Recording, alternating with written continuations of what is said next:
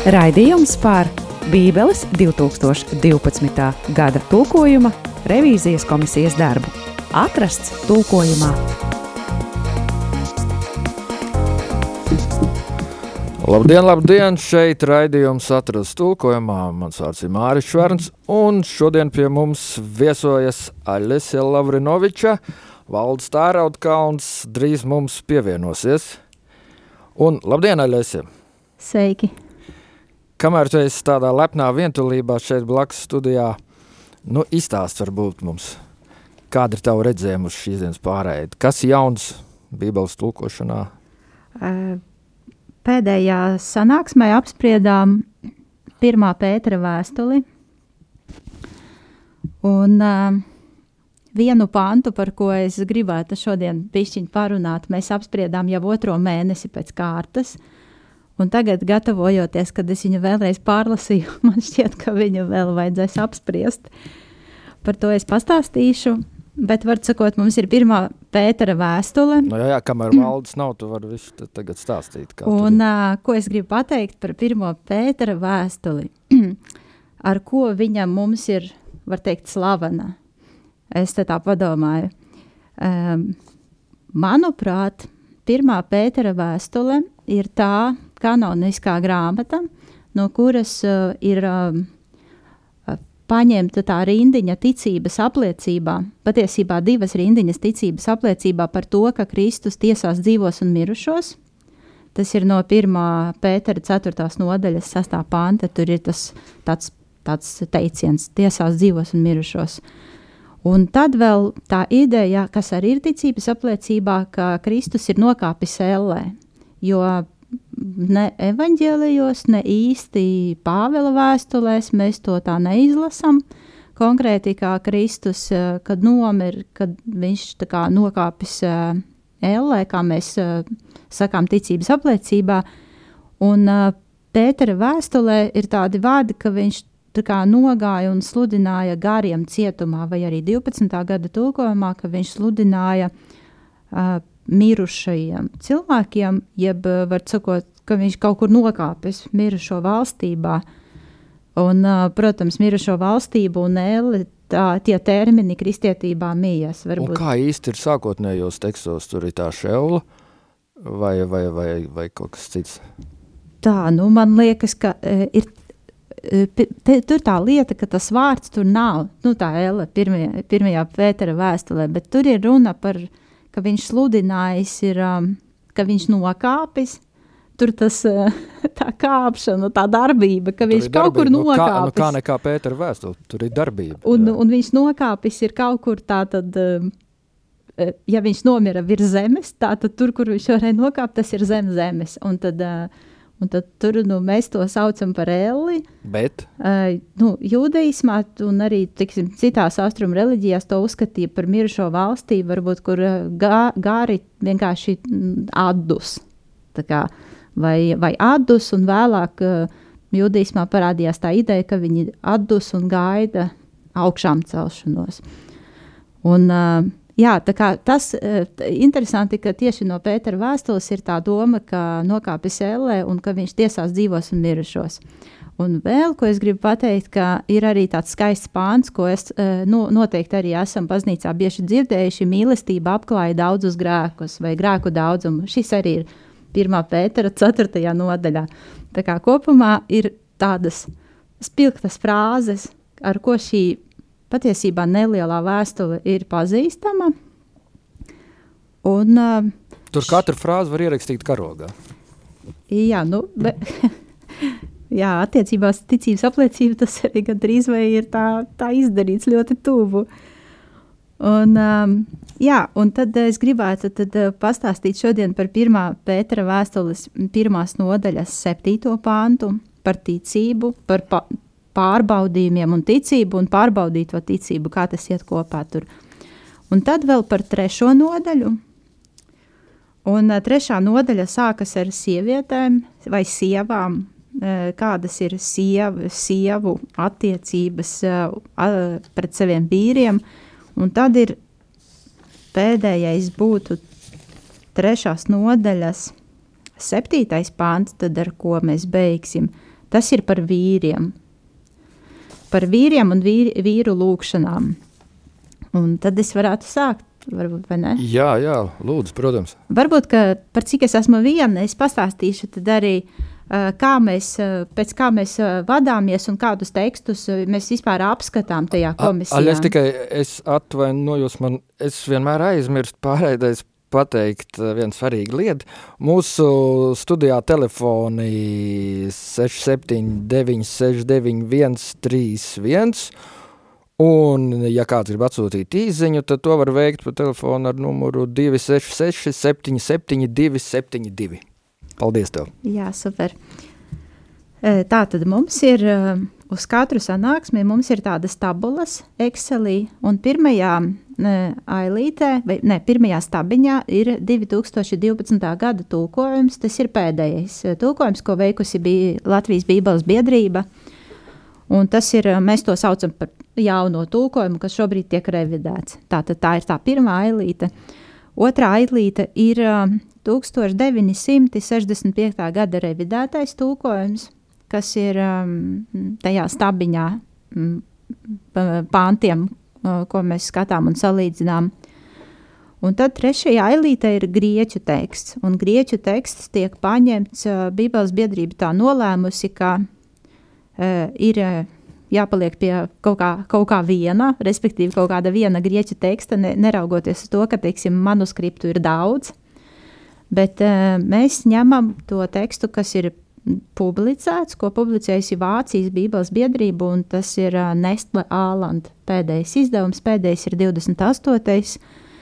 Un tas uh, patiesībā neatspoguļo vienu konkrētu manuskriptu, bet tas ir tāds sakompilējums no dažādiem, ko tā komisija Vācijā ar speciālistiem, teologiem uzskatīja, ka tā varētu izskatīties jaunā derība. Maybe. Jā, maybe. Tā kā tas tāds maybe variants, bet labāk mums šobrīd nav.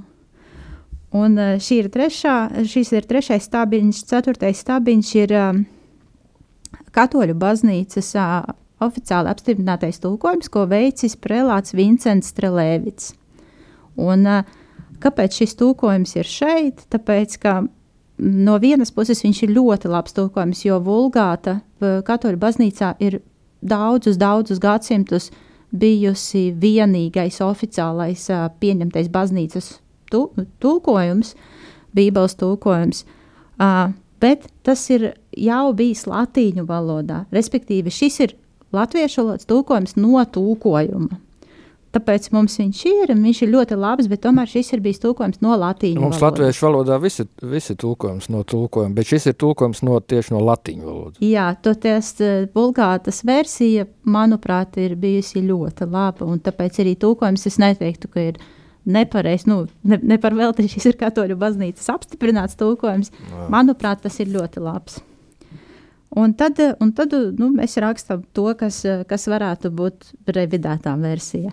Tātad atgriežos ātri pie pirmā, pirmās nodaļas, 7. panta.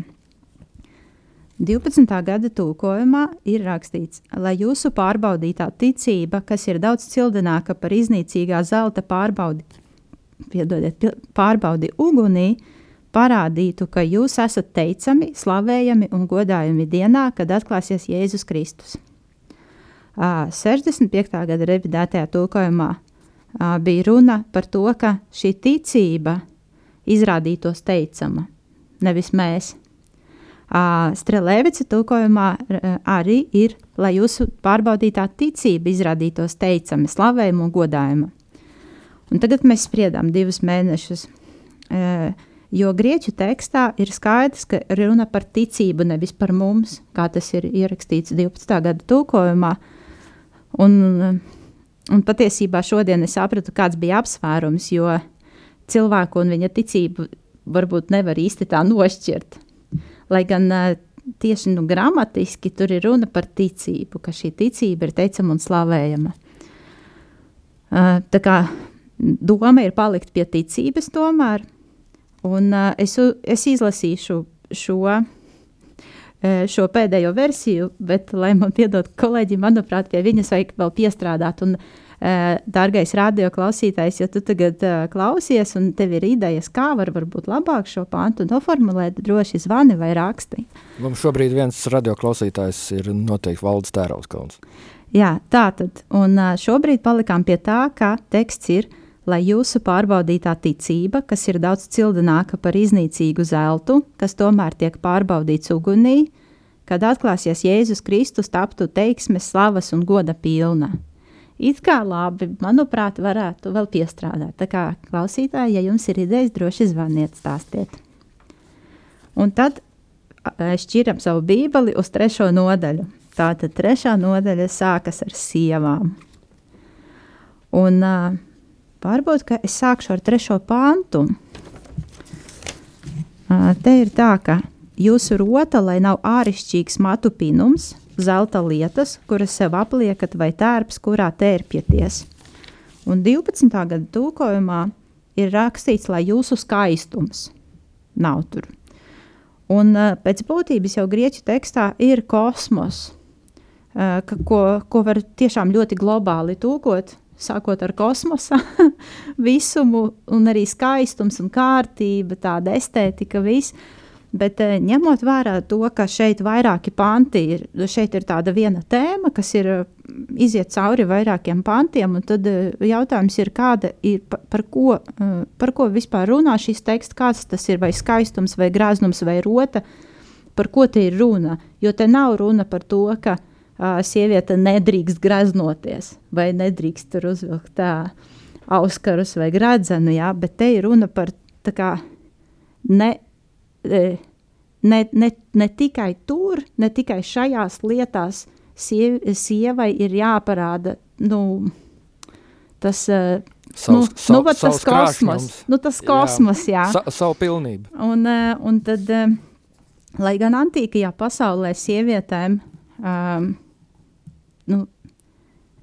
sievietēm pa lielai daļai māt, tieši, tieši frizūras un tieši tērpi un, un rotas bija vienīgais tāds elements, kas atšķīra viņus nu, kā, kā sievietes, kas deva kaut kādu, nu, varbūt statusu, jo sievietēm nebija ļauts tur uh, kaut kur publiski tur piedalīties, uh, kaut ko tur darīt, un tā, nu, sie, sie, tomēr tā bija patriarchāla sabiedrība. Kā šis bija ļoti, ļoti svarīgs aspekts sievietei, ka tas ir tas, kur viņa nu, var sevi vismaz pierādīt vai nu, parādīt kaut kā, vai ne ar tām rotām un ar. ar kur viņa var būt kopā ar, ar vīrieti? Ar, ar, ar frizūru, jā, kur viņa var nu, jā, nu, parādīties. Uh, un mēs palikām pie tā, ka tad es varbūt uzreiz divus nolasīšu. Jā, mēs palikām pie tā, ka mēs iztūkojam domu. Un tā doma ir tāda, ka lai jūsu greznums nav ārīgs. Matu cirtas, zelta rotas lietas vai koši tērpi, bet gan sirdī apslēptais cilvēks, rāms un kluss gara neiznīcīgajā skaistumā. Tas dievam ir dārgs. Jo te ir tā, nu, ne tas, bet šīs. Jo, lai, lai nebūtu tā, ka zem tām rotām nav nekā, nav, nav, nav nekādas uh, substances, jā. Bet, uh, lai, lai ne tikai tās, lai arī nelikvidētu tikai rotas, lai, lai lasītājiem nerastos priekšstats, ka tur viss ir pilnīgi uh, jānoņem gradzeni un auskari un, un, un, un pie friziera nedrīkst staigāt. Ja? Bet, ne, ne tas ir, ne tas ir, ne tas, tas ir ska, skaisti, bet ne, tas ir būtiskākais, jo būtiskākais ir iekšējs cilvēks. Un uh, tā. Tad varbūt zini, Valdi. Jā, jā. Mums ir, uh, kamēr uh, valdes tērot kauns ieņem savu vietu studijā, lai skan dziesma.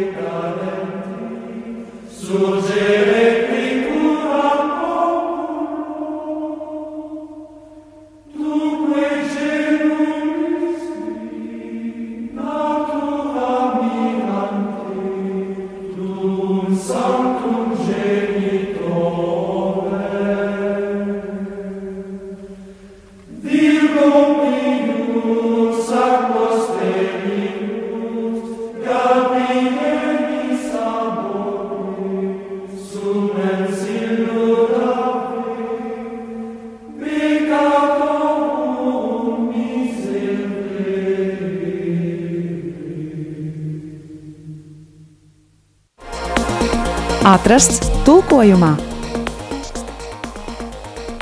Tā mēs esam atkal atpakaļ studijā. Mums ir pievienojies Valds Tārotkalns. Labdien, Valdīm! Labdien visiem! Tā, es ceru, ka Valdi dzird. Tu mūs dzirdi? Jā, es lieliski dzirdu, un es pieļauju, ka mani arī dzird.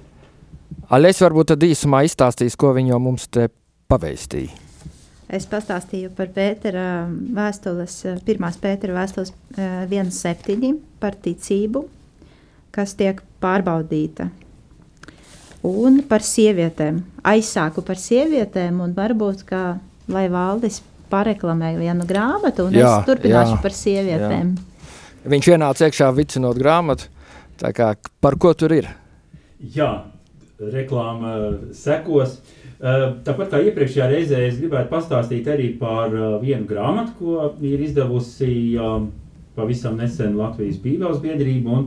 Tā saucās Iepazīsti Bībeli gada, gada laikā. Te kaut kur slēpjas arī, arī kādas kameras. Kā es pieļauju, ka, ka tie cilvēki, kur mūs skatās, to varbūt redz. Bet tātad tas ir Norvēģa autors, kas ir uh, pamatā jauniešu auditorijai, ir uh, arī apkopojis Bībeles tekstus. Tad šeit ir arī tāda informatīva daļa un arī teiksim, dažādi darba uzdevumi, var teikt. Arī es pieminēju sievietes, un jā, man, man tīri, tīri nejauši, var teikt, var teikt kaut kā dievišķā providence uzšķīrās Martu Mariju Eh, lasījums, kas ir gan februārim, un tur ir arī tāda daļa, kas ir kā tāds, eh, nu, tekstiņš eh, lasītājiem, kur, kur saka, apsveicu tevi, tev un, un Marijai ir kaut kas kopīgs. Jūs abi esat izvēlējušies labāko daļu, urā! Tik tālu grāmatas autors. Un, nu, tas tikai rāda citās, tāpēc, ka tas parāda, ka tas ir tādā neformālā veidā, ir mēģināts runāt uh, saistošā valodā ar eh, jauniešu auditoriju. Man liekas, ka eh, šādām grāmatām ir sava vieta, jo pirmkārt eh, tās palīdz mums lasīt Bībeli sistemātiski, katru dienu pēc kaut kāda noteikta plāna, un mēs jau zinām, plāni ir, ir daudz un dažādi, vai tie ir baznīcas lekcionārī, vai, vai tie ir vēl kādi citi Bībeles lasīšanas plāni, jeb, jebkas, kas mums palīdz Bībeli lasīt sistēmiski, nevis uh, vienkārši ielikt pirkstu grāmatā, aizvērt acis un, un, un izvēlēties pirmo tekstu, kas mums padomā, tas nebūtu labākais veids, kā Bībeli lasīt. Uh, un otrkārt, um, nu jā, Bībeli mums vienmēr ir jāatklāj priekš sevis un priekš katra laikmeta no jauna. Un, uh, un šī ir viena tāda iespēja, un, un jāsaka, ilgstoši mēs strādājam pie tā, jo jautājums nav tikai par to, kā tulkot no norvēģu valodas, bet arī, uh, arī to, kā tulkojumi jau atšķiras norvēģu un latviešu valodās, un, eh, un tāpēc eh, brīžiem arī, arī bija jādomā, kā, kā vislabāk šo tulkojumu veikt tā, lai, lai latviešu lasītājiem būtu saprotami. Sapratu, no kā Norvē, Norvēģi no kādas valodas tulkoja savus tekstus? Uh, ne, šis ir, uh, šis ir Norvēģijā uh, izdots uh, grāmatas teksts, kas ir latviskots. Tur sākotnēji izmantot uh, Bībeli norvēģu valodā, un mēs, protams, izmantojam Bībeli uh, latviešu valodā. Tā kā grāmatas oriģināla izdevums ir norvēģu valodā. Mm. Paldies, Valdi! Un tad varbūt tās, jā, Aļas, kaut ko gribēja teikt? Grāmata šobrīd ir manās rokās, es arī viņu te skatu, un es... Uh, redzu, ka šeit, piemēram, varbūt interesanti ir klausītājiem zināt, kā tas ir gada laikā, un, piemēram, atšķiru 1. janvāri. Te ir uh, pieci panti no pirmās mūzes grāmatas, pirmās nodaļas, pirmie pieci panti. Tad ir uh, pirmie pieci panti no Jāņa evaņģēlija, jo tur Dievs rada un šeit Dievs rada. Un, um, un, uh, un uh, tad ir atklāsmes grāmata viens pants. Tā, tā tas ir tādā veidā, ka tas nav. Es, es esmu savā dzīvē, Bībeli lasījis vairākas reizes, vairākos piegājienos, un nevienmēr sistemātiski. Un pirmo reizi es nolēmu pusauģu vecumā izlasīt Bībeli. 14 gados, manuprāt, es izlasīju pirmo, otro mūzes grāmatu, es tiku līdz trešajai mūzes grāmatai, kur ir likumi, Un es vienkārši domāju, ka es. es Tas es ir vis, daudziem klub, klubšanas. Es vairs ne, es domāju, kas tie pa mūrgiem Jā. vispār viss man. Man liekas, ārprāts, es, es gribu Bībeli izlasīt, es netieku tālāk, jo ļoti smagi lasīt tos likumus. Bet šeit, šeit ir pa tādām mazām devām sadalīts no dažādām Bībeles grāmatām. Man, man liekas, šis ir ļoti labs veids, kā cilvēku uh, motivēt, turpināt, nepadoties. Es, es tomēr izmocīju to trešo mūzu grāmatu. Uh, Ceturtā arī, un piektā nebija diezgan vieglas. Cik bet... interesanti, man bija tāda pieredze, es atceros laukos pie tantes bērnībā, skolas vecumā. Es sāku lasīt bībeli, tāda vecā drukātā vēl bija, man liekas, arī tikku, viņa tā bija pussaplēsta, un tur, man liekas, visas bībeles grāmatas vairs nebija tā izdevumā iekšā, bet jā, kaut kā trešā, ceturtā mūzes grāmata, tas jau bija jau par daudz, jo daudz šīs upuru sistēmas un visi iespējams līdz praviešiem es pat toreiz uh, netiku.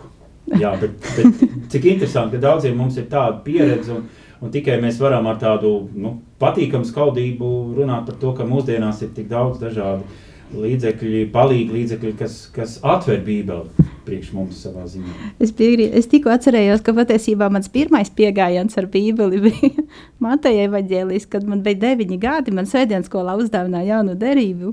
Es aizgāju uz šūpolēm, paņēmu jauno derību, atveru Mateja evaņģēliju, un tur ir uh, radu raksti. Visi, kurš ko dzemdināja, un visi vīrieši, kas dzemdina.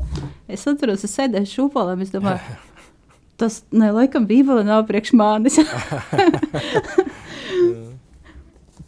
Bet, jā, atgriežamies pie sievietēm. Jā, jā pie, pie, pie Pētera vēstules un par sievietēm, kas tur teiks. Es tad nolasīšu varbūt 3, 4 un 5 pāntu no 3. nodaļas, 1. Pētera vēstule.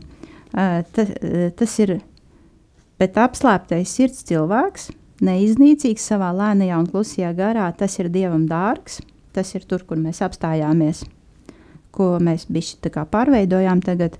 Un tālāk ir piektais un sastais pāns, jo tā arī citkārt graznojās svētās sievas, kuras cerēja uz Dievu, būdamas paklausīgas saviem vīriem. Un tad ir tā, ka 12. gada tulkojumā bija šāds teksts: Tās gluži kā sāra paklausīja Abrahāmu un sauca viņu par kungu. Krietni dzīvodamas un neļaudamās izmisumam, jūs visas esat viņas meitas tā liekas, ka kaut kas saurupināts, tāds eh, garāks saurupinājums ir kaut kur iestarpināts iekšā. Un tad eh, šobrīd es nolasīšu 5 un 6 pāntu, un mēs vadījāmies pēc tā, kā skaidrāk izteikt šo domu. Ka, kāds ir sāras piemērs, respektīvi, ka sāra ir piemērs precētām sievām, ja, un ka beigās jūs esat viņas meitas, un kā tas, kā tas sintaktiski pat sajiet kopā. Tā tad es izlasīšu. Um, Tāpat reiz dievbijīgās sievas rotāja sevi. Tās cerēja uz dievu, pakļaudamās saviem vīriem, gluži kā Sāra paklausīja Abrahāmu un sauca viņu par kungu. Jūs esat viņas meitas, darīdamas labu un neļaudamās izmisumam. Tas tā kaut kā mierīgāk uh, skan un, manuprāt, skaidrāk izsaka domu. Pie, pie tāda teksta mēs arī palikām. Nu, un pēdējais ir uh, trešā nodaļa, septītais pāns par vīriešiem. Uh, vispirms, kas tika pamainīts salīdzinot ar 12. gada tulkojumu un 65. gada revidēto tulkojumu. Izlasīšu 12. gada tulkojumu un 65. gada. Tāpat arī jūs, vīri, lai jūsu lūgšanām nekas nestāvētu ceļā, dzīvojiet kopā ar savām sievām, apzinoties, ka viņas ir vājākas un tāpat kā jūs arī ir žēlastībā iemantojušas ticību. Un 65. gada tulkojums bija šāds: Tāpat vīri, sadzīvojiet prātīgi ar sievu kā ar vājāko ra radījumu, godājiet viņas kā tādas, kas ir žēlastībā dotās dzīvības līdzmantinieces lai jūsu lūkšanas netaptu traucētas. Redzam, ka sākumā 12. gada tulkojumā tās lūkšanas ir paceltas nu, priekšā, augšā, respektīvi teikuma sākumā, un 65. gada tas bija kā, pašā beigās. Uh, vispirms, ko mēs runājām par to, ka tur nav rakstīts par to, ka sieva būtu uh, vājāks radījums. Tur uh, vārda radījums nav. Toties tur ir uh, vārds trauks, skevas, kas ir um, trauks. Eh, evanģēlijos varbūt bija citādāk, tā ir kā manta vai kaut, kaut kas tāds, bet eh, teiksim, vēlākās vēstulēs jaunajā derībā, tas ir kā trauks, un par to mēs varam pārliecināties, piemēram, Pāvi, Pāvila vēstulē romiešiem 9. nodaļā, kur viņš tur gari un plaši piecos pantos runā par to, ka ir trauki godam, negodam, un lai jūs būtu, lai mēs tā kā būtu godam, jā, un, um, uh, un tā kā tas ir, protams, ka tā ir, me, tas ir tāds metaforisks salīdzinājums, ka šis ir cilvēks, kuram ir saturs. Un, um, un tā tad... Um, Varbūt tās Eļesa atvaino, varbūt tās valdam ir kaut kas sakāms, ar mums laiks skrien diži uz priekšu, varbūt kaut kas sakāms par šo visu. Nu, jā, par šo tā saucamo sieviešu gabalu pētiņās jau var teikt, ka, protams, ka uh, tas ir daudzkārt jau arī pagātnē izmantots īpa, īpaši par to rotāšanos, ja, kad, kad sievietēm nav tur jārotājas ar, ar rotas lietām, bet, uh, bet ar savu uh, morāli, nekas te nav teikt šajā konkrētā vietā par vīriešu morāli, citās vietās ir, bet ne šeit. Uh, tā kā tas ir bijis daudz arī tāds, tāds diskutēts, teiksim, arī par to vājāku radījumu. Radījums bija vēl viena lieta, kas piesaistīja patiesībā mūsu uzmanību, kāpēc vispār gribēju to mainīt, jo arī tas uh, radījums, ja tas arī kaut kā. Kaut kā, nu, nu jā, tā, tā dīvaini skan no tāda. Izklausās pēc Augustīna, bet. Jā, jā, nu, lūk, bet nu, mēs gribam droši vien iekļaut vēl arī kādas citas nozīmes, ne tikai Augustīna, un tāpēc, tāpēc lūk. Uh, jā, jā. Ļesē kaut kas tur bija pret Augustīnu, man liekas. Varbūt arī bija. Jā. jā, valde. Paldies Dievam, ka Pētera vēstule tika rakstīta pirms Augustīna.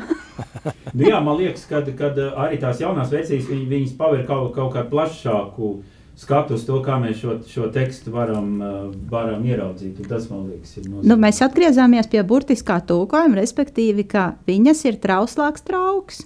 Jā. Nevis vājāks radījums, bet tieši tā kā ir rakstīts. Jā trauks, trauslāks trauks. Un, um, un par to, ka par vīriem e, šobrīd teksts ir tāds, tāpat vīri, lai jūsu lūgšanām nav šķērslis, sadzīvojiet prātīgi ar sievietēm, apzinoties, ka viņas ir trauslāks trauks. Ar gan īsti mūsdienīgi neskan, kā tu saproti, par to uh, trauslāks trauks, tur tev daudz sopētu, bet nu skan viennozīmīgi skan labāk nekā radījums. Jā, es teiktu, pat, pat ļoti mūsdienīgi Jā. mums pat vīrieši garīdznieki, kas bija šajā komisijā, paši uh, piedāvāja pat tādu ideju, ka šeit ir tā doma ietverta, ka seksistu lūkšanas netiks uzklausītas. Ja mēs uzmanīgi lasām tas, kas ir palicis, lai jūsu lūkšanām vīri nav šķērslis, sadzīvojiet prātīgi ar sievietēm, apzinoties, ka viņas ir trauslāks trauks, un godējiet viņas kā līdzmantinieces. Tā ir žēlastībai, kas dāvā dzīvību. Tā kā, manuprāt, pat ļoti mūsdienīgi es ļoti priecājos par šādu. Nu, man liekas arī, ka Bībele jebkurā tulkojumā, jebkādā redakcijā tur nu, ir acīm redzam, ka nekādas seksismam tur vietas nav. Nav kur aizķerties. Es vīrietis, un man tur sieviete būs klausīt. To var tā iztulkot, nu, jebkurš, un arī var iztulkot savādāk tīri subjektīvi tam pieejot. Jā, nu tas ir kā tas sabalsojas ar mums pašiem jautājums, ko mēs paši jā, jā, jā. Jā, vienmēr jā. jau mēs Tieši tur tā. ierakstām kaut kādas nozīmes, bet jautājums ir, kas ir tie motīvi. Ja tie motīvi ir, ir dominēt, uh, protams, tad mēs ieraudzīsim šo seksisko nozīmi, gribu teikt, neatkarīgi no dzimuma pat. Ja, ja, ja nozīme ir, ir cita, un tas ir par, par sadzīvošanu, respektu un dialogu, tad, protams, uh, atkal kaut ko citu mēs šajos tekstos ieraudzīsim. Tas ir ļoti skaisti, ko tu tikko pateici. Un varbūt, dārgie viesi, mums jau laiks ir, diemžēl, tikpat kā iztecējis, pa cik šī jums un arī man šogad ir pēdējā pārēja noslēdzošā šogad. Varbūt jums ir kāds vēlējums mūsu klausītājiem Ziemassvētkos no jaunajā gadā? Eļesiem? gribētu novēlēt veselību, mīlestību un nebaidīties sapņot lielas, lielus sapņus, jo, kas zina, da, dažiem sapņiem ir lemts piepildīties. Un no, no, no manis savukārt, manām vēlējumām ideja patiesībā deva tekstu, par kuru mēs nu pat kā runājām, un, un uh, nedaudz pārveidot viņu, man liekas, atcerēsimies, ka mēs visi esam tādi trausli trauki, un, un ņemsim to vērā un, un saudzēsim sevi, bet arī, arī citus. Un uh, Ziemassvētku laiks savā ziņā ir arī tā iespēja mums apstāties no tāda bieži vien brutāla un strauja skrējiena un uh, ieraudzīt sevī uh, šo, šo, šo trauslumu, kas ir, kas ir jākopj, par ko ir jādomā, bet arī citos. Un tad, tad gan jau pat kaut kādos mazos sīkumos, ja mēs to darīsim, tad kaut kas liels notiks ar mums. Jā, paldies jums, paldies par šiem vēlējumiem. Es varu viņam tikai pievienoties un novēlēt visiem gaišus, brīnišķīgus un klusus, baltus Ziemassvētkus, laimīgu jauno gadu, un tad jau tiksimies kaut kad nākamajā reizē. Paldies, es saku Aļesai Lavinovičai un Valdim Tērotkalnam. Paldies! Mans vārds ir Mārš Verns, visu labumu! Raidījums par Bībeles 2012. gada tulkojuma revīzijas komisijas darbu. Atrasts tulkojumā